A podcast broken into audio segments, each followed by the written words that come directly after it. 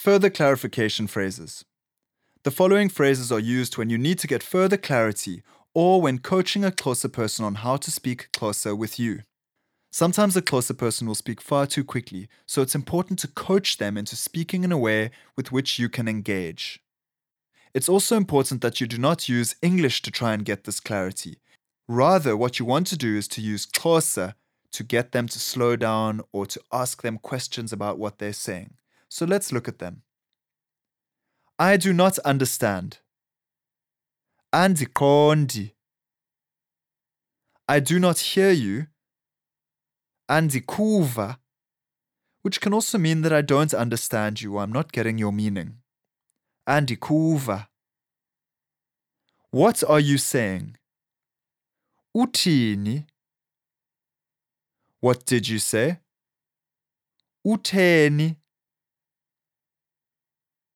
Please repeat. Khawuphinde. Please go slow. Khawuzekelele. I am still learning Xhosa. Ndisafunda isiXhosa.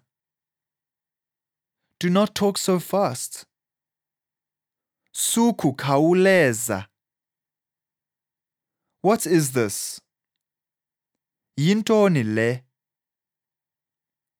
What is Hayibo in English? Yintoni Hayibo ngesingesi? What is elephant in Xhosa? Yintoni elephant ngesixhosa? So it's very important that you learn these phrases and you begin to use them A in class or B in the conversations that you're having with people. You need to know these phrases off by heart and really, really well. The idea is that you use them when you seek clarification. And in these last few lines where you're asking yintoni, blah blah blah, ngesixhosa or ngesingesi, you can use that as a translation tool so that you can ask people in Xhosa what a particular word means.